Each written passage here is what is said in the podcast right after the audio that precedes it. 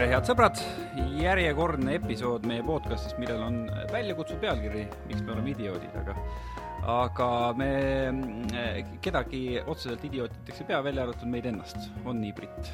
jaa, absoluutselt. Et endiselt, jätkuvalt täielik idioot meie tänane teema on selles mõttes äh, hästi mitmekihiline ja, ja kui ma hakkasin nagu selle teema peale mõtlema, siis paljuski tuli see ka minu elust enesest. Äh, äh, Brit, sinul ei ole lapsi, jah?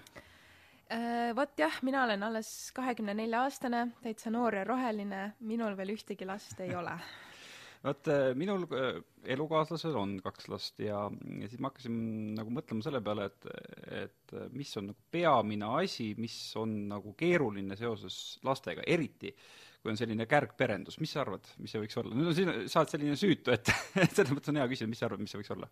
no ma kujutan ette, et ilmselt ma ei tea, kas, kui palju küsitakse sinu käest seda, et a la, et noh, aga et millal te siis oma lapsed saate mm,? see on ka, aga noh, kõige keerulisem on logistika mm.. mida rohkem on äh, selliseid liidetavaid või jagajaid seal logistikas, kui me räägime sellistest äh, isadest, emadest, uutest äh, meestest, uutest naistest, vanaemadest kasuvanaemadest ja nii edasi ja nii edasi, trennidest koolidest, lasteaedadest, siis see logistika on kõige keerulisem. just siis nagu see, et kuidas ja kas neid lapsi nagu jagatakse? ei no et mis, mis kell sa pead kuskilt kellegi võtma, kes see täpselt võtab, millal ta läheb sinna, millal ta läheb tänna ja nii edasi ja nii edasi. okay,. see oli sulle üllatus ei no, no vot ongi, ma, ma ju ei tea sellest elust vaata mitte midagi, onju, et äh, mul kahjuks ei ole vaata ja. kuskil mingeid peidus mingeid lapsi, onju ja minu elukaaslasel ei ole nagu varasemast lapsi, et vot jah, selles suhtes ma olen selle koha pealt täitsa tühi leht. Brit tegi suured silmad, aga meie tänane saatekülaline hakkas juba vaikselt muigama selle kõige peale. Silvia Ilves on tulnud külla, Silvia, tere kõigepealt ja lisaks ma siis küsin, et kas sinule see logistika teema tuleb tuttav või? las, laske naerda elu ongi üks puhas logistika ajamine, see elu organiseerimine selleks, et üldse olla midagi, et kes millal kust läheb ja mis, mis kuupäeval kes järgi läheb. ja kõigepealt ma ei, ma ei teadnudki, et äh, teil äh, omal lapsi ei ole. meil omal lapsi ei ole. soo ja nii tublisti siis muretsete oma naise laste logistika pärast. no tuleb muretseda, müts maha, müts maha. sinu Marcel, praegune elukaaslane, tema ei muretse või? ei no nii palju, kui ta saab seal olla, tal on endal vaja endaga hakkama saada mm, -hmm. et äh, et tal on, aga samas eks, eks ta ikka püüab aidata siis, kui seal mul siin kõrval on, aga yeah. aga paljuski ma ei saa arvestada, et tema abile, sest et tal on, tema asjad on kõige prioriteet, et lapsed on ikkagi minu lapsed ja tal ei ole see kasuisa kohustus nagu selline kukil nagu nagu võib-olla sul Te, jah, teeme faktid kõigepealt selgeks äh, kuulajate jaoks. sul on neli last. jah äh,. mitme erineva mehega äh,? äh, kolm, kolm erinevat äh, no sellist purunenud armastust. jah, ja, ja sellise, sellise vil, viljadega. ja praegusel hetkel on sinu elukaaslaseks äh, tippinterpreet äh, Marcel Johannes Kits, kellega ja. sul ei ole lapsi? ei ole ja, see, ja, ja see on siin... juba kärgperendus rohkem kui rubla eest, ütleme nii. see on järgmine tase lihtsalt juba nagu, et kui Taavi on see algaja, vaata, siis Silvi on see nagu pro level, vaata. Mm. see, kuidas mul eel- ähm,, sõbrannad vaatavad kõrvalt, kuidas mu oma isa vaatab, kuidas vaatavad kõrvalt, ma ei tea, ma ei tea, Silvia, kuidas sa üldse hakkama saad, su elu on selline kaos. aga kaos ta on ja minul on selline loll lootus, et see kaos kunagi ka kord otsa saab. ja sellepärast ma olen küll siin, mõtlen, et võib-olla, võib-olla kümne aasta pärast ühe tütre võib-olla võtan, kümne aasta pärast, kui on kõik see poiste musketäride kasvatamine ühel pool. see on ikka see on ikka paras tegu. Eks see kaos vist siis otsa saabki, kui nad äh, pesast välja kui lendavad. kui nad juba iseseisvamaks saab, tegelikult juba natuke mõnus, kui see üheteistaastane poiss juba võtab ka sellist nagu vastutust, ta on selline üsnagi kohusetundlik ja eks keeruliseks teeb vaata see, kui on lapsed, kes ei käi lihtsalt koolis, nad käivad, nad õpivad muusikat ja siis tuleb veel kontserdid, konkursid, proovid ja sa pead ise seal juures olema. Ja siis pead pidevalt, mina pean kalkuleerima oma asjad kõik niimoodi, et äh, päevased ajad on alati mulle sobivad, sest siis on kaks väikse, väiksemat on lasteaias ja noh, siis õhtuks ma tean, et kõik, mis on õhtul, need on sellised probleemsemad asjad, aga, aga mm. see tugivõrgustik on hästi oluline ning mul on äh, vedanud tead, seal ongi ja kuidas isad on nii erinevad, vot, vot see on hämmastav. et äh, kui kõige väiksema lapse kolmeaastase isa, noh, tema nõuab, et ta, temal on õigus olla pool ajast lapsega ja, ja siis ongi nii, et meil ongi ja jaotame kuidagi, püüame siis seda niimoodi teha, et ta rahul oleks, et mina nagu muidugi emana mm. tunnen seda, et mm, kuidas ma olen nii palju lapsest eemal. tuues näite, et äh, mul viieaastane see soomla-, soom-, soomlasega saadud laps, tema äh, käis Lapimaal, oli kuu aega seal Mm. mõni ema mõtleks, kuidas sa saadad oma lapse kuuks ajaks äh, lapse vanavanemate juurde, aga minu meelest see oli, see on lapse enda huvides. Ta õppis seal soome keelt, mina ei oska seda ja mulle meeldib, kui lapsel on oma see ühendus oma, ikkagi tal on õigus osaleda oma Soome su- sugulaste nagu elus ja Mhm. kui teades, et teda seal hoitakse ja tead, noh, tõesti kõige nagu kõige eest, et äh, seda enam, et tema oma isa üldse lapse elus ei osale, üldse mm. -hmm. maksab selle Eesti miinimumi ja ja. soomlane elab edasi. Ehm, eh, enne sa ütlesid eh, sellise väga tähelepanuväärse lause, et need on nagu minu lapsed. kas sa juhuslikult ütlesid seda või sa nagu tunnetad ka, et noh, et neid isasid on rohkem Äh, rohkem, nii palju, et sa pead rahvuste järgi neid eristama, aga Ei, ei, noh, kas sa tunnetad, et need on ikka sinu järgi, sinu lapsed eelkõige? ei nagu kui võrrelda seda noh, et vaata et Marcelliga vaata et seda, et tal ei, ta ei tunne, et noh, et Ja, ja, ta on ja. nagu pigem Marcel nagu neile nagu hea sõber Ja, ja, ja. ja ta saab väga hästi nendega läbi. minu isa muidugi ütleb naljaga pooleks, ma ei taha Marcelist kuulda, sul on teisi lapsi veel peale Marceli. no et ta on nii noor ja selline noh, kuidas ma ütlen, et ta nagu mehe eest praegu olla nii palju ei saa tegelikult, kui üldiselt me standardite järgi ootame, et mees maksab ja mees on, aitab olla, tead selline. Marcel on praegu tal on olulised, olulisemad asjad ees, kui aidata mind äh, kuidagi eraelus, et ja tal on ka keerulised yeah.. interpreetiks olemine niimoodi nagu äh, see, kuhu ta nüüd pürgib, see on tema unistus. aga ei ole nii, et sa oled suur nimi ja äh, raha voolab. ei, see on, ei ole nii. ja eh, enne kui ma Britile annan sõna, Brit juba ka kibeleb siin, ma tahtsin veel küsida, ma tahtsin veel küsida selle asja, et aga sa ei ole siis selle peale mõelnud, et sa ütledki Marcelile, okei okay,, sul on unistus öö, oma elualal jõuda absoluutsesse tippu välja, tegele nüüd sellega, on ju, ja, ja siis ma ei tea, viie-kuue aasta pärast tule tagasi, vaatame, kas siis midagi saab, et praegusel hetkel on mul vaja meest, kes mind ka aitaks. ei ole sul sellist mõtet olnud või? loomulikult mul kõik sõbrannad ütlevad, jäta see Marcel, et sul on vaja meest. aga ma olen selline loll, naiivne armastaja, et äh, Marcel on lihtsalt äh, mehena äh, avanemata õis. ta on tulevikus kindlasti suurepärane pereinimene, ta on Mhm. kindlasti, ma pean viis aastat kuidagi.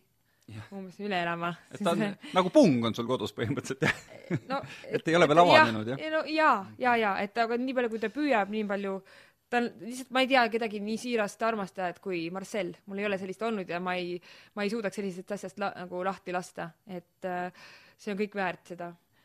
ma räägin seda, seda, selle ära, et äh, siis, kui oli see lockdown ja viis kuud me olime ninapidi koos, see oli meie suhte kõige ilusam aeg. tõesti, ma nautisin ja ma nägin, see oli noh, see oli ja kuna, kuna mul on see meeles, kui ilus oli see kooselu siis, kui noh, ta ei pidanud kuskil ringi käima, loomulikult mul lähedased ütlesid, no et noh, et koroona ära kadudes ta siis nagu hakkab ka ringi rändama nii, nagu ta seda teinud on. et see oli justkui selline illusioon mul vaata, et näed, aga ta on nii toredasti kõrval ja aga ei saa lasta, mul on ka tema, mul on te, üks tema lähedane ütles sulle, et ai, et see Silver rikub su karjääri ära, et kui ta niimoodi nõuab tead siis perekondlikku asja, et praegu, kui ta nii noor on, siis äh, ma ei taha olla süüdi selles, et rikkusin ära karjääri, et äh, pigem ma pean aktsepteerima, see on väga keeruline, see on kohati ja siis ongi, kui meessuumasin kodus katki läheb, laste teised, noh, laste isad arvavad, et no sul on ju mees olemas, kus siis on.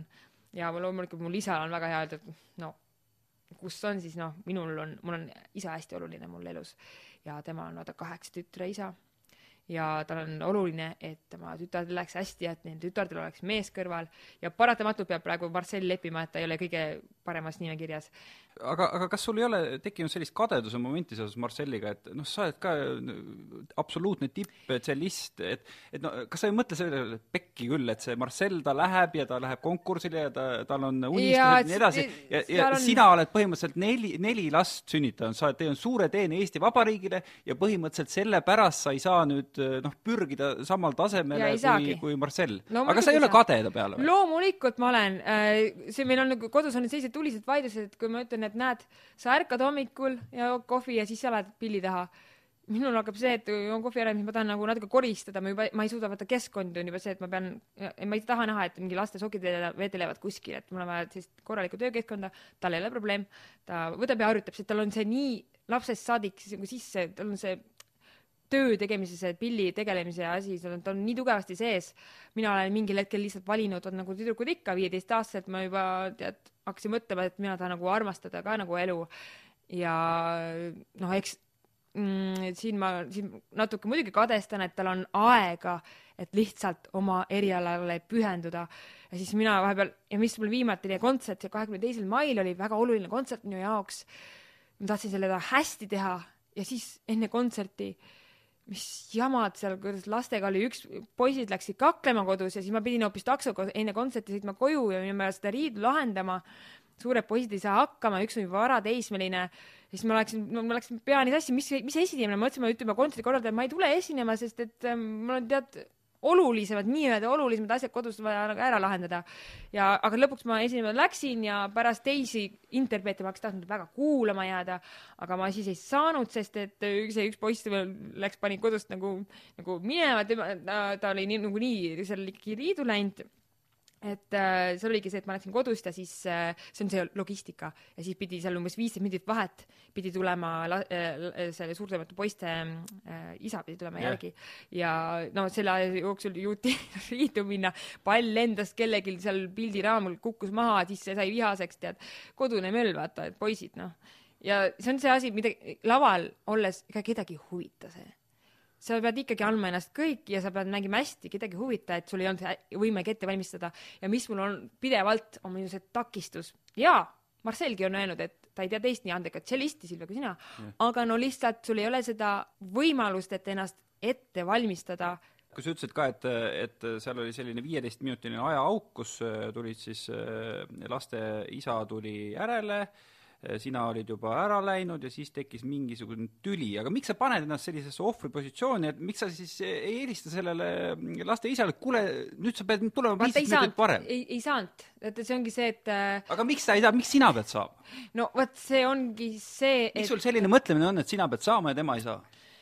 see oli niimoodi, et äh, poisid olid omapäi viisteist minutit mm -hmm. ja vot, ja see ongi see, et siis me tulime mõlemad, mina jõudsin vist isegi varem tagasi sinna äh, Äh, koju, koju ma mõtlesin, et kas ma nüüd siis võtan selle aja, et taksoga sõidan siis koju ja ai tead, see on üldse see laste asi, et äh, mulle ei meeldi see, et, et kuidas üldsus arvab, et küll laste kasvamine on tore ja kõik on ilus ja ninnu-nännu. piltidelt on alati kõik rõõsa-roosa. aga ma tean, et igas peres on alati mingisugused asjad. ja siis, kui ma seal kontserdil olin, äh, tead, rääkisin ka, et tead, nutt kurgus, mõtlesin, et kas ma lähen lavale, siis üks eh, nii-öelda äh, interpreet, kellel on ka lapsed ja poisid, ära muretse, tead. meil on ka, tead, need muusikud ja need poisid, tead, keevad üle, lähevad kuskil, jooksevad minema ja siis tulevad tagasi ja tead, see muusikute see hingel on hoopis teine kui selliste tavaliste inimeste, noh, kuidas ma ütlen, need, kes on need sekretärid, raamatupidajad ja need, need kõige andekamad ja ehedamad kunstnikud neil ongi kõik, nad ongi, kui sa tahad olla tõesti andekas ja kihvt artist, sa peadki olema poolhull nii ongi. kui, kui sa ütlesid, et sa tegelikult ju ikkagi kadestad Marcelli, kas sa vahel, noh, see võib-olla nüüd kõlab hästi julmalt ja karmilt, aga et kas sa vahel ka näiteks kahetsed seda, et su elu on läinud nii, nagu ta on? et sul on äh, neli väikest last, kellele suurem osa ikkagi sinu ajast nagu kulub? Äh, ma olen mõelnud äh, selle peale, et kui mul oleks seal kuskil nooruses tekkinud armastus mingi muusikuga mis, mis on suur probleem, et äh, ma ei ole olnud siiamaani muusikutest elukaaslased, mul, ma ei ole valinud neid, need on olnud mittemuusikud ja isegi kui sa oled noor, ikkagi kui sa oled viisteist, kuusteist aastat vana, sul on oluline, et sa, sinu suhtlusringkond oleksid muusikud. aga ma kaldusin sealt teelt kõrvale, sest ma valisin täiesti mittemuusikust inimese. aga kui ma oleksin näiteks no Marcelli ma ei saanud sel hetkel nagu võtta, sest ta oli, ma olin kuusteist, ta oli neliteist, kolmteist pool no ma tõesti sa üldse tundsid sel ajal Marcelli? loomulikult, ma olen tema elu esimene armastus. ta oli üheteistaastane, kui äh, ta mulle reit.ee-s kirjutas armastuskirju. Püha müristus, kas sa vastasid ka neile tol ajal? loomulikult, ilusti ma vastasin viisakalt, aga tead, kuidas ta mind äh, lummas sellega, et äh, ta oli nii, jällegi nii siiras, selline platooniline armastus, ma teadsin, et noh, ma ei vaata sellist poisikest, aga see, kuidas ta ütles, et kuule, Silvia, minu rekord tšello harjutamises on üheksa tundi päevas, ma mingi vaatasin, üheksa tundi.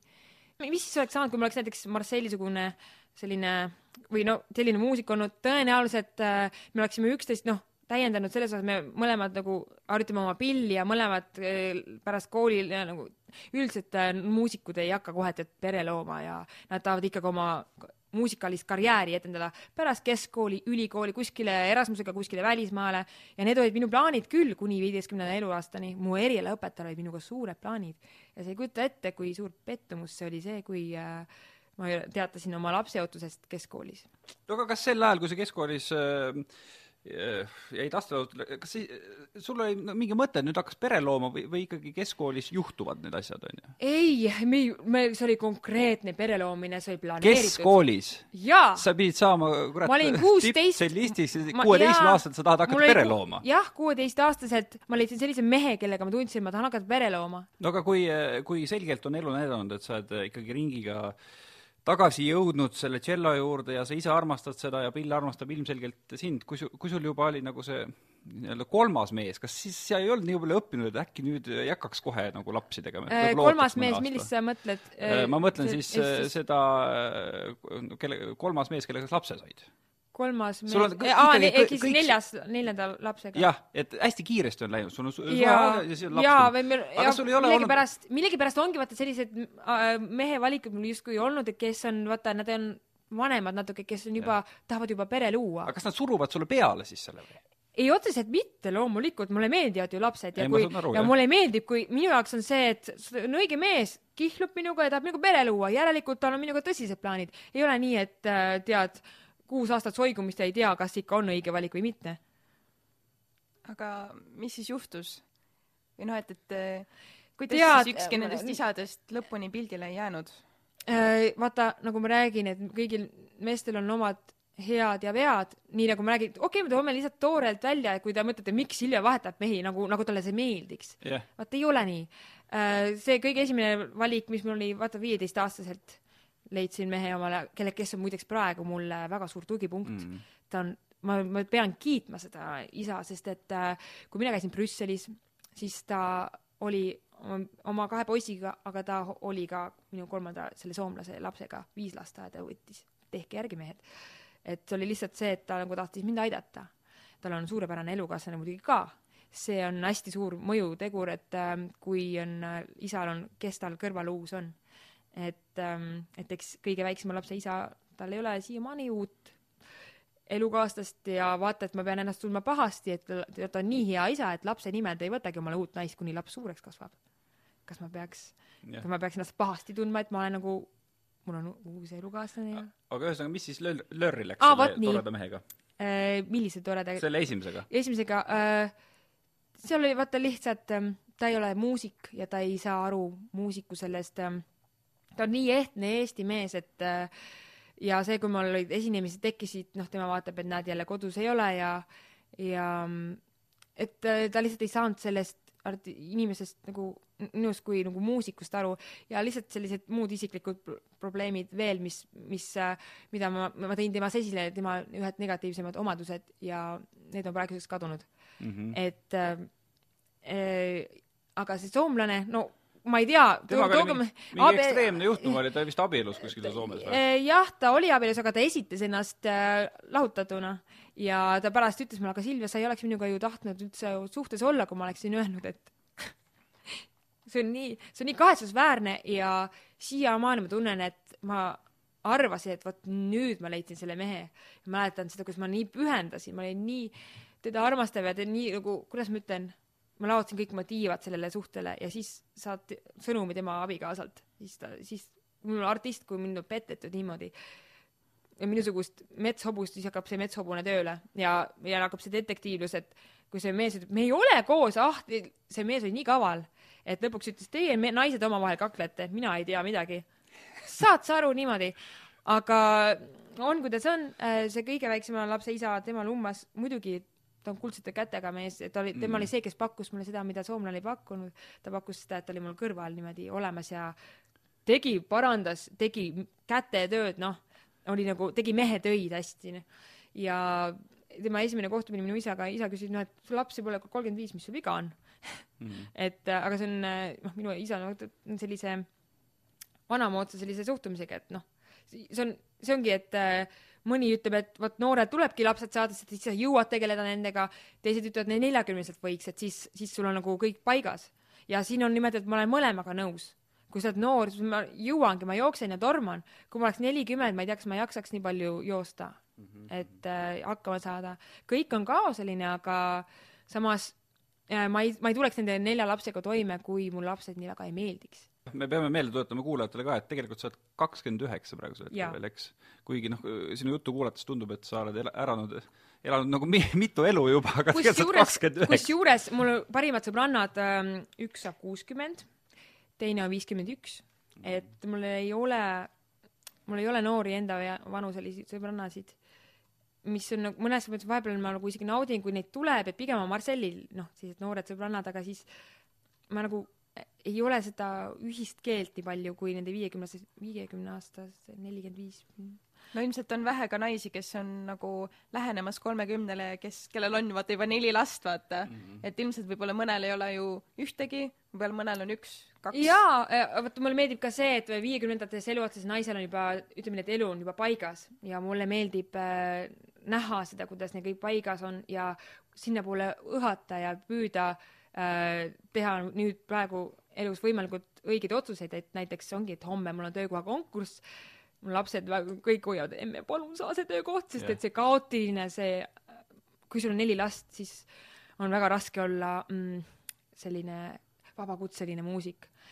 see oli, see on ikka väga, ma ei taha mõelda, et iga kuu mõelda, et mm. kust ma nüüd oma järgmise üüriraha leian või see on ikka ja sel hetkel, sel hetkel, kui meil see asi eetrisse läheb, siis on see konkurss juba lõppenud, nii et ma võin nagu küsida selle kohta, me mhm. enne, enne kui meil mikrofon lahti läks, me rääkisime ka, põhimõtteliselt on nagu üks koht ja seitse tšellisti ähm, kandideerivad selle koha peale. Need seitse inimest on kõik tippinterpreedid, nad peavad terve posu mingisuguseid asju pähe õppima, seal ette mängima ja siis üks valitakse. kõik Eestis teavad, et sul on selline olukord, et sul on neli last, sul on tohutult palju tegemist, aga see ongi totakas, kas see, kas ei ole nagu ühiskondlikult totakas, et ei tulda sulle vastu? ei tulda, muidugi mitte, see on, kõik pannakse ühele pulgale ja see ongi see, et miks ma ei anna endale ka armu. mul läks söögiisu ära, mul, mul kadus, tead, selline elujoovastus kadus ära, et tead, sõbrannad kutsuvad, lähme sinna üritusele, see on äge, lähme ja loome kontakte, tead, selline tunne, et ma ei, ma ei joo veini, ma ei taha midagi, mul on vaja harjutada, tead, selline juba natuke meenutab Marcelli, et mul, ma ei lähe kuskile, ma ei saa, ma ei tee perekondlikke asju, ma ei lähe lastega parki, mul on vaja harjutada, et ei, no, sa tead, et sul on no, vaja teha. miks me lolli mängime, et kui, kui see inimene tahab Silve Ilves, siis kutsuge Silve Ilves tööle, ta teab, et sa oskad tšello mäng-, tšellot mängida. kui ta tahab kedagi teist, siis kutsuge kedagi teist, miks kuus tippinterpreeti peavad mängima lolli, õppima terve posu mingisuguseid asju ära ja lihtsalt raiskama oma aega, kes ei saa seda tööd. kas no, ei ole imelik sinu meelest või? aga näed, et see on ju nii nagu konkurssidel ikka, see ongi see, et äh, seal äh, see konkursi, kus Marcel on, ega seal on ka, sa vaatad laval, nad ei tea sinu seda eraelu, nad ei tea ja Eestis teavad kõik seda eraelu. no loomulikult teavad, aga, aga, aga nad jäävad ikkagi professionaalseks no, et äh, ja see, see on tegelikult hea piits mulle, et, ähm, et lõpuks ometi ikkagi võtta see aeg ja mitte koristada, raisata oma aega kodus mingi koristamisele või laste koolikotist sobramisele, et äh, jätad need ja lased ja ei mitte, et kuna mul kaks suuremat poissi on ka vinged artistid tulevased sellised, et nendega võiks ju harjutada ka, see aeg on, läheb ju sinna, et äh, neile toeks olla, sest et ise pead äh, ennast kuidagi suutma toetada, et olla artist, aga samas pead juba, juba olema tugi oma kahele artistile väiksele, et äh, see, aga praegu ongi see, et kui ma tahan kooli lõpetada, töökohale kandideerida, isegi kui ma seda töökohta ei saa, ma tahan ikkagi endast parim anda. ja ma olen nii palju vastu näppe saanud, see oligi aprillikuus ma kandideerisin ka ühe, ühele orkestri töökohale, aga siis oli see maskis laulja saate, saade võttis aega ja siis oli mul lapsel väga tähtis konkurss, rahvusvaheline konkurss, noor muusik, ta sai seal esimese koha, see oli kusjuures täpselt kakskümmend aastat tagasi sealsamal konkursil sain mina esimese koha. Et kui äh, võib-olla korra seda eraelulist äh, poolt nagu veel lahti muukida natukene, et noh, vaadates, kui kirglikult sa räägid oma lastest, oma elukaaslasest, äh, muusikast ja kõigest ja kuidas noh, mulle vähemalt vaata kõrvalt jääb mulje, et su elu on tohutu niisugune rööprähklemine. no et sa teed nagu vaata kõike selles suhtes, et äh, kuidas sa ise hindaksid ennast emana või nagu, et Oi. milline ema sa oled? ma tahaks olla hoopis kordades parem ema kui see, mida ma olen praegu. ja siis on raske, mõni ütleb, et oi, sa oled nii tubli ema, nii jaa, aga tegelikult ma tahaks olla, ma tahaks olla ka see, kes panustab rohkem aega sinna lastele. et ma küll vahel tunnen ega täiesti läbikukkunud emana, et näed, et ei ole aega, et poisil on püksid lõhki, et ma peaks võtma aja, et tal püksid osta, siis poisid tead tõukeratastega kukuvad, ma ütlesin, kas teil on ühte püksipaari ka, kus auku pole, meil on tähtis üritus ja siis, siis on see poiss kasvueas kuu aega tagasi läks selga ja enam ei lähe või lapsel on viiskümmend, nelikümmend kuus jalanumber üheteistaastasel ja, ja see ongi, et ja kingad ei lähe laia liistuga, see on, see mingi probleem ja sa peaksid terve päeva kulutama, et talle need kingad saada. ja siis ma mõtlen, aga mida mina valin, eks ole, egoistlikult mingisugused oma mingisugused õpingud või et, et see ongi see, tuleb alla suruda lihtsalt, seda ma olen õppinud, et mm. et kõik ei jõuagi ja igaüks püüab olla parim oma lastele ja loomulikult mul poisid peavad olema hästi tublid ja hästi kohati väga iseseisvad ja mul on selles osas ka poistega väga vedanud, et nad on, nad hoiavad kokku ikkagi, no riiud tulevad, aga veri on paksem kui vesi mm., et no ma tahaks, ma tahaks teada, kus on neli poega ja seal üldse tülisid ei ole, ma aga neid ei häiri näiteks või kuidagi, neil ei ole omavahel seda, et a la, et, et okei okay,, meil on üks ema, aga meil on erinevad isad. see ei mängi kuidagi see on üks väga oluline missioon mul olnud, et poisid tunneksid, et nad on üks ja nad ei võta, sa oled minu poolvend, ei. Nad, me oleme kõik üks kamp. et sest, et see on hea, et kuna mul on üks seesama ema ja ema peaks olema nagu see tugipunkt, et et kui me siin räägime, kes on nagu hea isa või mitte, siis ütleks nii, et selles suhtes see soomlane, kes üldse nagu lapse elus ei figureeri, on isegi, ma ütlen, et mul on nagu, mul on lihtsam sellepärast, sest et jageleda selles osas, isa tahab seda, ema tahab teist laste, lapse osas, see, seda tüli, et ma olen väga-väga palju pidanud vastu tulema selle kõige väiksema lapse isale ei noh, räägime toorelt, et ta alimentada ei maksa midagi, mis on vägagi okei okay,, sest et noh, ta on nõudnud, et teeme asjad kõik pooleks ja siis meil on ainult lasteaiakulu mm.. mul oligi enne, just, mis ajas mul ka vaimselt väga sassi ja mõtlesin, et mida, kas ma peaks nagu kohtuga tegelema või noh, või mida siis, aga ma ei jaksa kohu, kohut käia, ma ei taha neid, mul elu on niigi värvikas ilma kohtutadagi. aga see ongi, et laps käib lasteaias, meil ühine, ja siis on see kuulu pooleks tegemine ja see on siis linnavalitsuselt äh,, minul on võimalik taotleda tallinlasena siis hüvitist, et, et see, see kaetakse mingi osa tallinlastele, seal on selline süsteem e, ja, aga tema on Saaremaal sisse kirjutatud. aga ta teab, et ma seda taotlen ja siis ongi see, et aga tema võib ka siis hüvitisest osa saada, siis selle võrra ta praktiliselt siis ei maksagi seda lasteaeda. ei, ta ei maksagi üldse ah, praktiliselt okay.. see on väga väike summa, mis talle jääb siis sinna maksta, aga konks on selles, et, et üks, seal on kaks hüvitist, üks on suurem summa ja natuke see väiksem summa, see tuleb sellest, et mul on rohkem kui üks laps. aga see teine laps ei ole tema laps ja siis noh, hakkaski see, et tead, vahel ongi, et seal see mingisugune seitsekümmend eurot loeb ka, et aga hakka siis jagelema sellega või. kokkuvõtteks ma tahan nagu lasteisedega hästi läbi saada, sest et äh, tülitsemine ei tule mitte kellelegi kasuks mm.. no eelmisel nädalal oli, oli vist eelmisel nädalal, oli sul selline küllaltki emotsionaalne ma ei tea, kas purse või, või selline, selline videote jada ka Facebookis, kus ma ei tea, hommikul Instagramis vist, oli, et ma jagasin. et sul vist piim sai otsa kodus ja siis hommikul läksid kuhugi poodi seda piima ostma ja siis kõik oli väga tore, rääkisid blablabla bla, bla, mis toimub. aga enne seda piima?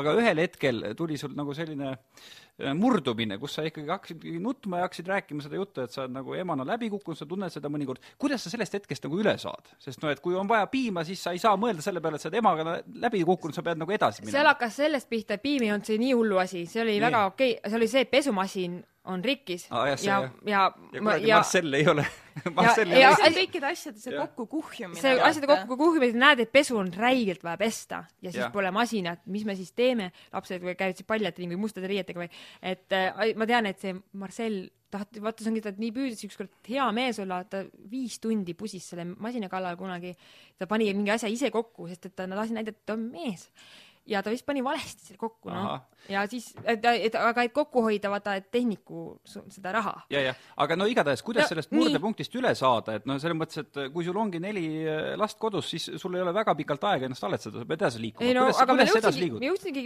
poodi, siis ma jõudsin seda piima ära ja siis kodus juba läks, läks paremaks, sest et ma jaa, kodus juba läks see nagu üle, tead, vahel lihtsalt ongi, aga seepärast ongi, et oleks siis mees või keegi kõrval, kelle saad lihtsalt noh, ja siis, aga samas mm, mul on õdesid, aga ma ei taha neile kurta oma asju, sest et no pigem äh, ma- neil on omad arvamused äh, minu asjadest niikuinii, see ongi väga sageli, et äh, et oma inimestega sa ei saagi neid kõige raskemaid asju jagada. et äh, on, on ka erandeid, aga mul sellist nagu võimalust ei ole, aga tuleb selle, siis tuleb mingi, mingisugused ilusad hetked ja võib-olla see, kui ma olen saanud ise pilli harjutada näiteks, see on nagu minu jaoks nagu selline palsam, ma olen leidnud aega, et pilli harjutada ja siis ma naudin seda hetke, siis ma tunnen ja siis, kui see on, kannab vilja, ma tunnen, et oskused arenevad, siis ma tunnen, oh, et ikkagi, ikkagi kas seal oli vist isegi mingi üks äh, valikmäng oli ka, tulekul äh, orkestri ette soleerima ja ma ütlesin poistele, et tead, kui mind valite, siis ma panen pilli nurka ära, tead. Pole mõtet, siis, siis järelikult ma, mul pole lihtsalt aega, et olla tšellist, ma peaksin, ma ei tea, et kuigi ma olen seda terve elu teinud, siis äh, see on nii, nii ränk ala, nii tänamatu ala on see tšello mängimine, et ma tahaks tegelikult lihtsalt mängida tšellot ilma, et ma peaks mõtlema, et ma sellega raha teeniks. Selles suhtes tahakski, et olekski rikas mees, kes kõik üürid ja asjad maksab ja mina lihtsalt harjutan pilli ja ma saan sellega ennast nagu maksimumi selle eest anda, mitte mõelda, vaat seal on kaks suurt vahet, kas sa mängid üritustel keikadel pilli või tegeled selle nii-öelda kvaliteedi äh, nagu tõstmisega. et seda kvaliteedi, seda vaikust ja seda enese seda asja, vot seda, et osata seda nagu võtta ja sundida võtta. Ja mul ongi praegu kodus pille-palla, kõik on sassis, kõik nagu tolmurullid jooksevad, aga selle arvelt vähemalt oluline etteaste siis ehk tuleb parem, et ähm, ja see, need ongi keerulised, et äh, mõni ütleb, et ah, mulle meeldis ka see, et kui ma selle Instagramis jagasin, mulle meeldib jagada seda emotsiooni, et väga paljud emad jälgivad mind ja nad jagavad oma kogemust ja kui, kui kihvtilt saab ägedaid lohutusi ja mm, kuidas ma ütlen, naised hakkavad kohe omavahel äh, kuidas ma ütlen, arutlema ja nõu andma, see on nii kihvt äh,. ma isegi tean üks hästi tuntud äh, Sandra Taškova vist oli ähm,, tema on siuke staar pagar vist. Tema jagas Instagramis ka avalikult pilti, kus ta nutab no, lastega ja ütles, et raske on kolme lapsega, et väike, väike beebi ei lase tal noh magada ja ma lugesin seda, vaata, see on nagu hästi isiklik, mis ta kõik seal jagas, aga ma lugesin ja ma emana, mul tekkis see tunne, et ma ei ole üksi Mm. et see oli nii ilus tunne. no samas mulle tundub ja ma olen kogenud, et naised võivad äh, just nimelt naiste vastu olla ka erakordselt õelad, et kas sa oled kogenud, et mingid naised kuskil kommenteerivad loomulikult. seda, et no mis kurat, iga mehega teeb lapse, kes ette satub ja nii edasi see. oli hiljuti oli see, et mul oli Põlvasse läksin esinema ja uhke kleit ja siis üks tädike pani, miks sa lastega pildil ei ole, kus su lapsed on? et, et oot-oot, ma ütlesin, et aga lapsed on koolis ja lasteaias või nad ei peaks olema, et kui sa oled ema, siis miks me üldse lapsed kooli saadame? miks me, miks me ei ole nagu, me võiksime, üks õige ema annab oma lastele hariduse ikka ise ja võtab tööle kaasa kontorisse, kui ikka va- vaja, et, et nagu Mailis Reps. või siis on just see, et, et äh, oota, aga miks sa üldse tööd teed, vaata, miks sa ei ole kodus Just. oma lastega, onju. just, et aga, aga kes siis, aga siis ongi, et oled kodus, aga kes maksab sulle selle eest, et sa kodus oled et äh, nii nagu vaata vanasti äh, oli ju nii, et emad äh,, neil, neil oli ka ema roll oli kuidagi hoopis teine, et ma, kohati ma tunnen, et mul peaks ka olema kodus see kodus mingi sokk või tead see majasokk, vaata, kes mm. äh, vaatab, et lastel oleks õpitud ja koristab ja, ja ema on lihtsalt see, kes kallistab lapsi, teeb pai. ja vahel, vahel ma olen oma selle laste isa peale ka nagu noh, kade, et mina pean olema see, kes nõuab seda musta töö tegemist, vaata no õppige ära, hambaid pesema, nüüd koristage ja nüüd harjutage pilli ja siis, kui nad vahel isa juurde, siis isa juures on ainult üks filmi vaatamine. tahaks ka lihtsalt filmi vaadata ja krõpsu süüa, tead, et see on nagu, siis on, isa juures on nii tore. jaa ja siis mina olen see paha emme, kes nõuab asju. kui selle kärgperenduse peale veel nagu mõelda, et noh, kõik see logistiline pool, noh, see selleks, aga et mis on veel võib-olla see kõige niisugusem keerulisem osa või vaata, millest võib-olla niisugused nagu tava, tavapered eales nagu kokku ei puutu mingid mured või probleemid? ikkagi see, et kas laps siis nagu kuulab sõna, see on see tänapäeva maailm, minu meelest see nutitelefoni asi, et äh, see, et aga me teistel on nuti, nutiseadmed ja, ja minul ju kolma, kolmanda klassi poole lapsel, üheksa-aastasel lapsel on nuputelefon. aga ta aktsepteerib, ta ei ole niimoodi, et sõdib selle vastu ja üheteistaastane nüüd äh, esimest, noh, viiendasse klassi siis ma andsin, aga on ju lapsi, kes esimesest klassist saadik on nutitelefonidega, ma ei kujuta ette, seal on ju, internet on täis igasuguseid asju. Ja see, mida lapsed avastada ja näha võivad, no see ongi see, et ja lisaks veel laps peab, tead, et laps läheb kooli ja siis tuleks selleks kellaajaks sinna kohale, siis, siis tead, et aga sõbrad viivad kuskile, vaata, see ongi see, et millised sõbrad sul laps, lastel on, see mängib metsikult olulist rolli üks kärgperenduse mm, selline kõrvalnäht on ju ka see, et neid erinevaid keskkondi, kus, kus lapsed käivad ja on pikemat aega, on hästi palju, kõik need äh, isade ja emade, uued pered ja vanaemad ja kasuvanaemad. ja, ja igal pool ju on, on oma reeglid, on ju. tegelikult sina oled nagu see keskne, kes peaks nagu reeglistiku moodustama ja kes, kelle mm -hmm. juures on lapsed kõige rohkem, sa oled selline halb ema, aga kui ta käib seal ühe isa ja teise isa ja, ja vanaema, vanaema juures, kus kus on hoopis teised reeglid, et kuidas, kuidas sa selle oled läbi rääkinud oi,? oi-oi, ega see ongi, ma ütlen, et äh, mul on isa selline korraliku distsipliiniga, tema ütles, et kui tal poleks tütretel oleksid pojad ja siis oleks sõjaväe, sõjaväe distsipliin ja siis ta ütleb mulle mm., huh, mingi vaba kasvatus sul seal ikka on. ja tema ütleb, mina ei tea, kas ma siin nelja poissi mul siia koju või ma ei tea, et äh, see ongi see, et isal on oma nägemus sellest, et äh, aga samas noh, kui ikkagi abi vaja on, mul isa on ikkagi äh, lastega saab hästi läbi ja kui ei suuda nagu isale nagu kuidagi serveerida, et palun, mul on tõesti abi vaja, siis ta alati teeb muidugi vastu. aga jah, see on hästi huvitav, kuidas on need erinevad need reeglid, et äh, kui need just need koolilapsed, vaata siis hakkavad need reeglid hästi oluliselt nagu mängima rolli, no viieaastasel ei ole veel noh, ei ole selliseid noh, reegleid nii palju vaja, vaata kui kooliga tekib see distsipliin ja kui ongi, et et ja lisaks see, see pillimänguõpe, lapsed lähevad siis isa juurde ja seal ei ole klaverit kus laps saaks harjutada. siis mõtlesin, et ma võiks ju lapsed aid-, noh, lapsed tahavad minna isa juurde vahel, et aga seal ei ole seda pilli harjutamisvõimalustki. seal ei, meil, meil kodus on, saab kasvõi kell kaks öösel pilli harjutada.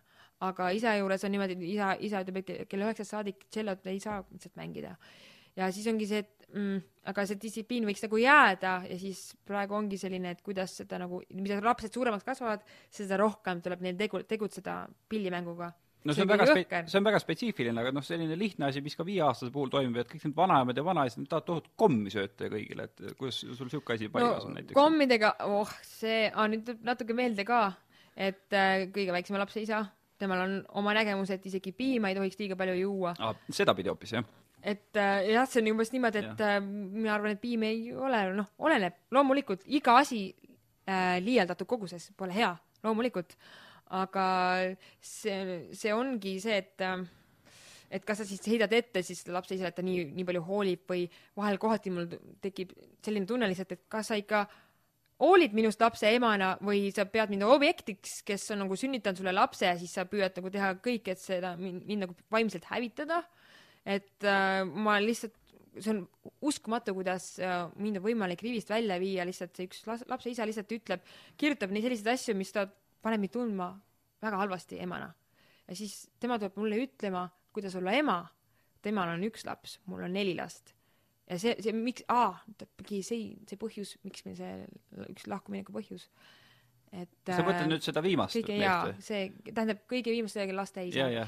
oota, seal... aga, aga see, ta ju tunneb sind ometi, see on siis teadlik sinu kuradi vaimne hävitamine, et ta niimoodi kirjutab äh,? ma arvan, et see võib isegi olla teadlik, sest ta, ta paneb kirja tunnid, millal tema lapsega on, ta isegi ma ei imesta, kui ta paneb kirja toidud, mis ta on kulutanud lapse peale, ma ütlesin, et kas me nüüd kasvatame last või tegeleme mingisuguse projektiga või? Et äh, seal oligi, kui meil ühine esimene laps sündis, kõigepealt ma sain pahandada, et laps öö, magab minu kaisus, sai lämmatat-, lämmatat ära, kas ma pean lastekaitse kutsuma või? ja siis ma, kuna, siis ma küsisin nõu, et kas ma tõesti olen halb ema või rääkisin teiste emadega, suurperede emadega kes ütles, loomulikult võta kass, su laps, eriti poisslapsed vajavad armastust, siis aga tema mõtleb nii, et see ongi, et kuidas sa siis saad oma mehega läbi, kes niimoodi nagu ma nagu lausa nagu ehmusin, et äh, aga siis võta kui seda, et ta nii hoolib ju lapsest. aga mina võtan seda kui rünnakut endale nagu emana, et äh, ja seal ongi, tekivadki sellised kasvatuslikud sellised visioonid. et äh, ma no, hirmuga mõtlen tuleviku peale, kuidas äh, kuidas need äh, lap-, laps läheb kooli ja mis otsused, et kuidas, kui, kui mina tahan la-, näen, et laps on andekas laulja, ma näen juba, et ta on laulja, et aga, aga laps ise ütleb ei, ta peaks rattaga sõitma ja ta on rattasportlane. et, et ma püüan võimalikult äh, ikkagi hästi läbi saada ja no ja loodan, et ta, et ta teeb ka minuga koostööd, see on hästi oluline. Need tülid, neid on olnud ja need on nii rivist välja viinud, et äh, et see, siin praeguseks ma olengi siin äh, sellel seisukohal, et äh, küll on hea, et mul on Marcel, kes on nii noor, et ta ei ole veel laste saamiseks nagu valmis. et äh, see on minu õnn aga kui sa ütled, et äh, noh, et sul on endine selline mees, kes noh, manipuleerib siis vaimselt sinuga, kirjutab sulle mingeid negatiivseid sõnumeid, kuidas su ülejäänud võib-olla mingid pereliikmed või äh, nagu tuttavad üldse sinu elusse, sinu elukorraldusse suhtuvad, sest sa enne ka mainisid, et sinu õdedel on kõigil nii-öelda oma arvamus sinu asjadest. ei no nemad naeravad, et noh, see oli ammu teada, mis isiksus see on ja ka minul oli ämber peas armunud, eks ole, vaatad hoopis teisi asju näed kui see, mida teised näevad.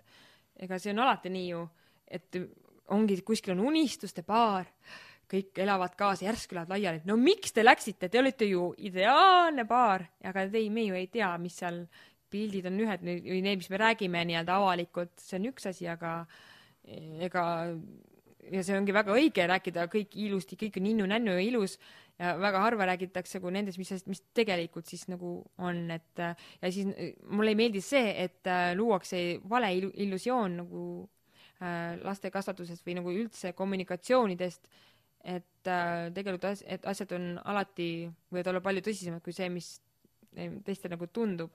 et alati ei ole kõik nii ilus, kuigi me kõik õhkame ja loomulikult me tahame jagada positiivset. Ja tegelikult mulle meeldib jagada positiivseid emotsioone ja aga vahel lihtsalt noh, olgem, jäägem real-, realistlikuks ka, et, äh, et ei oleks nii, et mõni ehmatab ära, et oh, aga teil oli kõik nii ilus, siis mulle meeldibki natuke, natuke tuua seda, et ei ole alati nii, et igas suhtes on alati mingisugused raskused.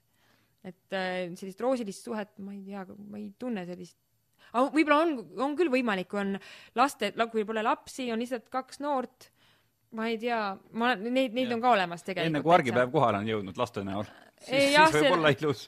jah, et see on äh, väga, et see ongi ja. väga huvitav, et äh, vahel lapse, laps, lapse saamine ühendab, et on, on, süstib veel rohkem armastust, aga mm ta võib ka teha vastupidise. jah, eh, no jälle selle sama eh, story'de jada põhjal mul tuli ka selline mõte, et kuidas Marcel sellesse suhtub, et sa nagu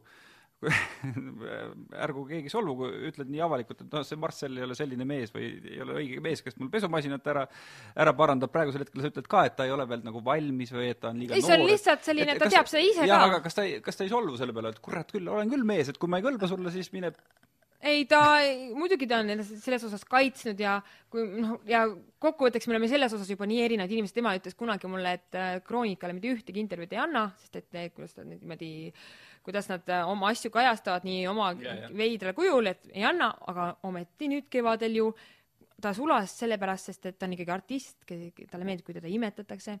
Äh, Kroonika tuli kuulama tema kontserti, vot siis ta oli nõus küll rääkima ja see on tema esimene selline noh, ähm, seal ta oli nõus ka rääkima eraelust, aga üldiselt äh, ta on muidugi hoopis teistsugune isiksus. tema Instagrami konto on ainult tšellot täis, sinna ei tule mingit eraelu. see ei, ja see on tema valik. ja mul on see kõik ja vaata, mul ei ole nii, et mul Instagram on business konto või noh, nii nagu need artistid, lauljadel on, et ainult laulud ja, aga mul on see kõik ja mul on lapsed, mul lihtsalt mina kui nainena, edev naine, noh, eneseväljendus edeva naisena ja ka tšellist. mul on kõik sinna sega, segamini pandud, et et loomulikult ta võiks mõelda, aga ta võtabki mind selles osas sellisena, nagu ma olen. ta on juba nii palju, ta on juba, vaata, ta on nii palju aktsepteerinud juba, juba ta tunneb mind nii, ta ju, ta me tunneme põhimõtteliselt lapsepõlvest saadik üksteist tegelikult mm. -hmm. nii et äh, aga noh, kuidas selles olukorras see ämmade-äiade suhe nagu toimib nii sinu poolt kui ka tema poolt, et sa natuke juba enda isa ja siis Marcelli sellist vahekorda tutvustasid, aga kuidas sina näiteks Marcelli vanematega läbi saad või kuidas nemad sinusse suhtuvad no.? noh, loomulikult äh, mida, mida, mida diplomaatilisemalt räägin, seda, ma saan äh, Marcelli isaga saan väga hästi läbi. okay., tal on, Marcelil on väga kihvt isa ja tal on hästi tore perekond tegelikult. et äh, kui tema ema oli, kunagi ütles, et oli vist väga kuri olnud Marcelli peale, et ähvardas, et ära üldse Silvaga ei hakkagi üldse mehkeldama. see oli kaks aastat tagasi, siis see oli noh, aga nüüdseks meil, ma minu meelest ma vähemalt võin küll kommenteerida, et äh, ta on õppinud mind tundma, et et kui varasemalt lihtsalt tundis mind pinnapealselt, nii nagu väga paljud tunnevad ja üllatuvad, et oih, sa polegi selline inimene nagu, nagu kroonika näitab, et sa oled, eks. et äh, ei no muidugi Marcelli ema tunneb ka mind lapsepõlvest saadik juba, siis ta vaatas, et oih, see on selline natuke et parem, kui tema poeg sellisega tegemist ei teeks. Fuuria öeldakse vist. aga tead, ma saan sellest osas väga hästi aru, isad ja tütred on, saavad omavahel hästi läbi ja emad ja pojad. Mm. ega ma arvan, et kui mul poeg, tead, ma ütlen ka, et sa ei hakka siin, ei, üksteist oled ja juba otsid, kas, mis, mis, ei, ei kohe kindlasti mitte ja lähe minu, minu teed pidi, ei lähe, ei, kahekümne aasta pärast hakka mõtlema. pere saamisele siis või millele? nojah, võib-olla need girlfriend'id võib-olla kümne, kahekümne aasta pärast võivad tulla küll, jah. kas, kas see oli praegu nagu mingi halb nii-öelda enne siis tulevikuks, et su pojal saab väga keeruline jaa, olema? kindlasti saab olema, sest et äh, aga samas äh, ma, minust saab kindlasti selline ema, kes noh ma kindlasti kaitsen häid naisi, kui on hea valik, aga kui ma näen, et minu poeg ei, ei, ei oska kohelda naist, head naist, siis ma pean tegelema selle pojaga. sa annad peksa talle. no nii-öelda piltlikult öeldes Jaa, jaa. kutsun korrale, võtan härjal sarvist kinni, et koht-, naisi peab hästi kohtlema. aga kui korra tulevikku veel vaadata, et sa enne mainisid, et kas sa, kas sa päriselt tahaksid veel ühte last? no see, kindlasti ma arvan, et kümne aasta pärast et Mm, kas sa teeksid selle tralli nagu viiendat korda läbi? aga see ei ole enam see trall ju, siis selleks ajaks on mu elu paigas. või kui ei ole. Kui on. no aga, aga see, me ei saa ette elu planeerida, et äh, praeguseks äh, ma mingi hetk mõtlesingi, et ah, ma panen omale kunsttissid ette, et äh, ja siis see tähendab seda, et ma ei imeta, vaata, kui sa nagu noh, ma ei ole selline naine, kes kunsttissidega imetaks, siis see võtaks mul selle lapse saamise soovi võib-olla ära, aga siis äh,, siis ma muidugi mõeldes noh, Marcel ütles, et aga tema tahab kindlasti kunagi pere saada, siis ma pean sellega mõtlema, et et äh, kas, kas ma oleksin valmis, sest et äh, ta on kindlasti väga traditsiooniline ja selle perekeskne, ta on ise suurest perest pärit ja ma näen, kui hästi ta saab lastega läbi, see on lihtsalt hämmastav. et äh, selle, see on hindamatu asi, see, kuidas ta tegelikult mind aktsepteerib ja kogu seda möllu. et kui tavaliselt mehed panevad niimoodi, tahavad mine, minema minna, tead laste, mingid probleemid ja asjad, oh, mehed tahavad ju ainult, naine tuleb ja just naeratab sulle. aga Marcel võtab väga hästi vastu kõik need eluraskused. et selles osas ta teeb nagu pika puuga ära kõikidele nendele mineviku meestele, mul on selline tunne, et Marcel lihtsalt on nagu venna eest mulle natukene, ta on nagu parima sõbra eest. et kui ta oleks lihtsalt mees mu elus, ma, ma võtaks parema, no selles osas, et mul on vaja meest kõrvale mm. -hmm., justkui selles osas ainult. aga tegelikult mul on teda vaja, sest teda inspireerib mind ka rohkem tööd tegema pilliga, unustama tead mingisugused detailid, milles sa vaatad neitsi tähtkuid, lähed kuskile, aga seal on koristamata see, tead, raiskad aja ära ebaolulisele. et äh, selle, tegelikult me täiendame üksteist. mm. -hmm. vaata, kui sind kuulata, siis jääb äh, huvitav mulje, et sa oled selles mõttes hästi nagu, nagu kokofooniline, et sa oled hästi traditsioonilise pereväärtuse usku, aga samas sul on hästi ebatraditsiooniline perekond. see on väga raske, jah, see on, mida ma ise ka olen mõelnud, et äh, võib-olla ma olen seda traditsioonilist pere lihtsalt nii väga tahtnud. ma olin viisteist, kui ma otsustasin, et ma olen ühe mehega elu lõpuni koos, eks ole. ja, ja mind inspi- inspireeris, kui oli kuskilt üks Rootsi abielupaar, kes äh, kaheksakümnendates äh, eluaastates ja siis sain teada, et nad on mõlemad koos olnud neljateistkümnendast eluaastast saadik, ma mõtlesin, et ma tahan ka. aga ma olen seda nii jõuliselt tahtnud, et äh, ja võib-olla mingisugused detailid äh, jäetud märkamata, et siin ongi see, ma olen muidugi, nii nagu sa ükskord eh, varasemalt küsisid, et et ega ma ei kahetse lapsi, et võib-olla tõesti praegu oleksin ka niimoodi hullaksin maailmas ringi, tead, ja võib-olla kui oleks seda joont rohkem nagu näinud, kogenud, mul oli ka see, et äh, ma ei saanud nii palju meistrikursustel käia noorena mm, -hmm. nii nagu Marcel käis Bulgaarias, igal pool Londonis, tal emal, tal oli perel võimalusi rohkem vist, et äh, laps nägi seda, mis tähendab olla artist mul, ma ei saanud seda nii, minu ema-isa ei saanud seda nii palju, palju lubada mulle ja, ja mul jäi nägemata see, et mida sa kõike võiksid tšellistina korda saata. ma arvan, et seal tuleb see ja siis lähed ikkagi nagu armud ja siis tekib, mul on see kantseldamise vajadus ja soov hästi suur. mulle meeldib see, kui Marcel on kodus ja siis ma teen süüa, siis kõik lapsed söövad koos mehega, näed, siis kõik on see, noh, meeldib see osa, aga see tuleb maha matta praegu, praegu mul on viimane aeg. mõni ütleks, et rong läinud, Silvia, see nooruses pidid tööd tegema, et nüüd on juba see, et sa peaks, sul peab olema kõik nagu paigas. aga ma olen ka nüüd selles suhtes hiline, et mu aeg alles tuleb mm.. et kolmekümnendates siis kolmkümmend kuni nelikümmend töötan. ja siis kunagi naudin tütre kasvatamist. no aga, aga kui äh, vaadata ühiskonda meie ümber, kuidas, kuidas sulle tundub, et kas sa kuidagi tunned, et, äh, et vaadatakse viltu sellele, et sul on nii mitme mehega nii mitu last mm,? ma sellest, sellest nagu välja ei tee, sest et kokkuvõtteks äh, keegi ei tea seda tagamaad, et kui sa vaatad, ongi, et vaatad mingit olukorda, aga miks see nii on, kui sa saad lõpuks selle suure pildi tagant loed ei no üks asi on see, et sa välja ei tee, aga sa tunnetad, et sellist asja on. ma seda, seda kogesin rohkem siis, kui ma olin vallaline mm. -hmm. et praeguseks äh, väga paljud äh, noh, tädikesed, kõik need nagu neile meeldib meile see armastus Marcelliga ja neile meeldib, et ma olen kellegi leidnud ja jumala eest, et me lahku ei läheks. no ma kujutan ette, Marcel on kindlasti tädikeste lemmik, ta on ju nii nunnu. ta on nunnu, tead kord Vabaduse väljakul, äh, seal oli üks üritus äh, ja Marcel oli minu seal kõrval ja siis üks tädi tuli minuga rääkima, oi, kui te olete Silvia Võrrat, tšellist, kas see on teie kõige vanem poeg teil kõrval? ja siis, ja siis äh, ma ütlesin, ei, see on mu elukaaslane. aga siis ma, aga siis ma mõtlesin, kas ma tõesti näen nii vana välja. küll oli sellel tädil piinlik ja Marcel lihtsalt muigas, mille see eluks ajaks meelde Marcel näeb nii hea, nii armas ja nii äh, nunnu välja, ta meeldib küll tädidele ja seda ma olen täheldanud. Et äh, see on aga... päris muidugi naljakas, sest et teil on ju ainult kaks aastat vahet. kaks aastat ja kaheksa kuud, nagu Marcel ütleb see kaheksa kuud on otsustav. See on see määrav, see defineerib. ja kohati muidugi Marcelil on see ähm, elu lihtsalt on äh, olnud stabiilne ja selline traditsiooniline ja tal on see hämmastav töö tegemise see asi, mida tege- äh,, omadus juures, mis äh,, mis mul lihtsalt on kaootiline, aga ei tähenda, et ma olen ka hästi töökas ja mulle meeldib tegutseda, aga lihtsalt need, see tegutsemine läheb nii palju igale poole laiali aga võib-olla see on sellepärast, et sa oled ikkagi lapsi saanud, mulle endale ka tundub, et kui äh, naine saab emaks, siis kuidagi sellised beebikumerused lähevad ära, et naine muutub kuidagi emana nurgelisemaks, kohe füüsiliselt, aga noh, see on, see on nagu teistsugune seksikuse ilu, ilu.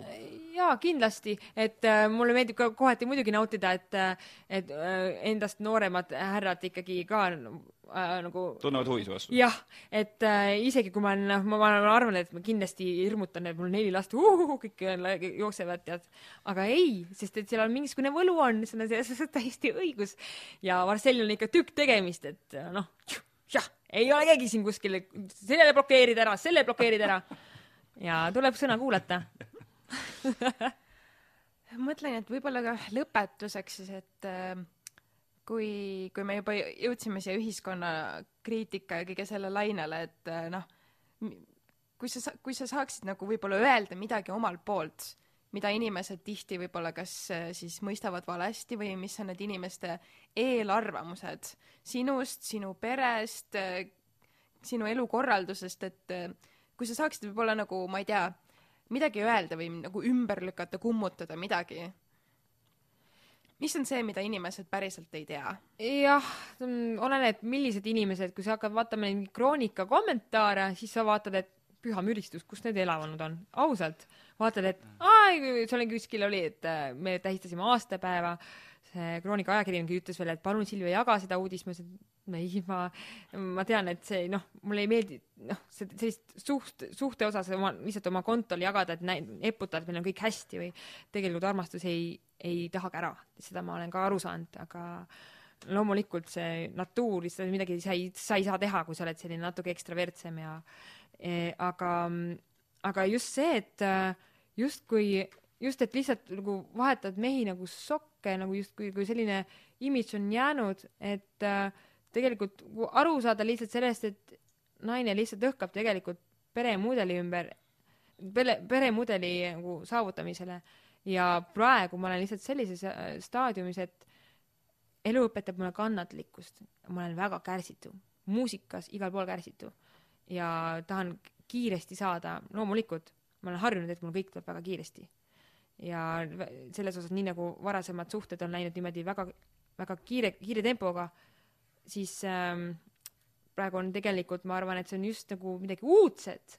et äh, ei ole nii, et kaks aastat oleme nüüd koos olnud ja juba on tead, suured asjad tehtud, et kõik peabki kulgema ja, ja mul peabki olema, ma õigustan seda, et minusugusel naisel, kes on hästi viljakas ja armastuse järele õhkav ja mulle meeldib kantseldada, ma olen need lapsed saanud mitte sellepärast ups kogemata, mul on need, ma olen tahtlikult saanud ja kui mul lapsed tõesti nagu ei meeldiks, kui ma, ma, mul on, ma tean sõbrannasid, kes tead, ütlevad uh,, üks laps aitab küll, ma sain oma mugavustsooni kätte uh!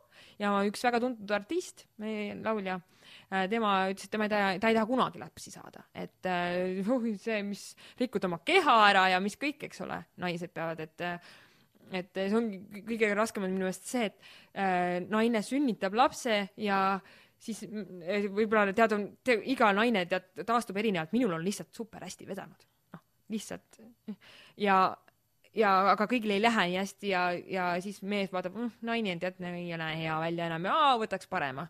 et aga naine on tegelikult ohverdanud oma keha et äh, muidugi mina ei ole selle peale mõelnud, mul üks õdedest ütles, et mina küll kavatsen lapse saada siis, kui ma olen kõik, mul on sõrmust, sõrmest, kõik on kindlustatud, et ma olen nõus ohverdama oma keha.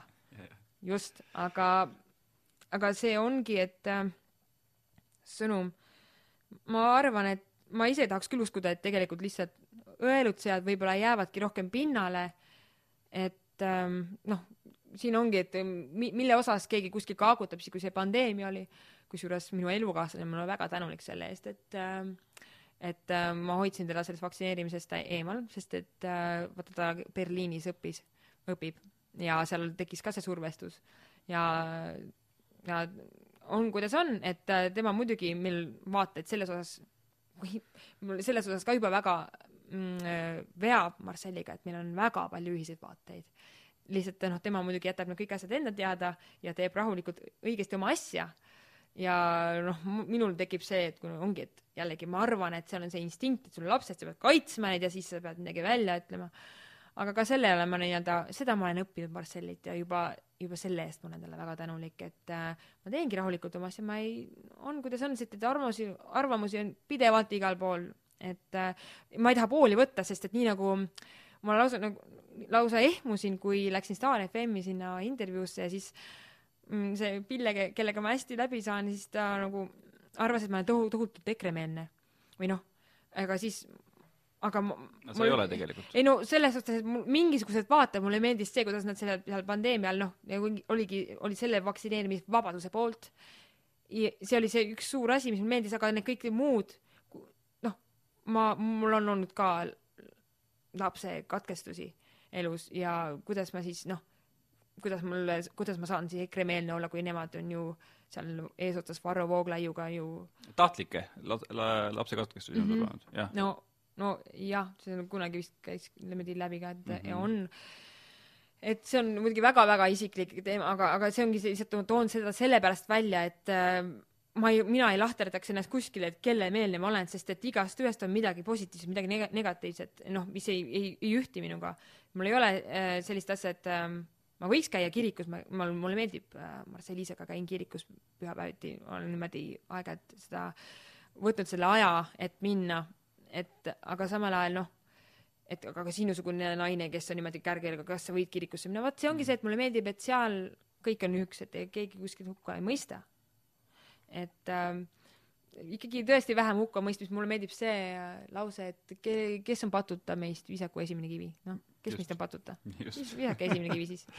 Silvia, suur aitäh, et tulid külla ja see on tõesti väga, väga õige mõte kokkuvõttes, et no et, vähem hukkamõistu ja, ja isegi kui seda hukkamõistu on, siis kuidagi nagu omal rajal julgeda püsida. Ja selle, selles osas sa kindlasti inspireerid nii meid kui kuulajaid.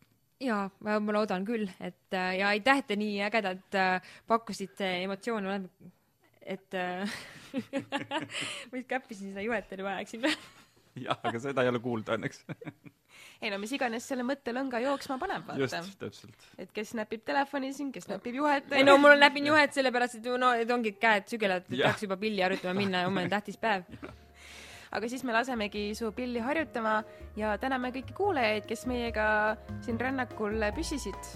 elage ja laske elada. just, kohtume jälle. tšau.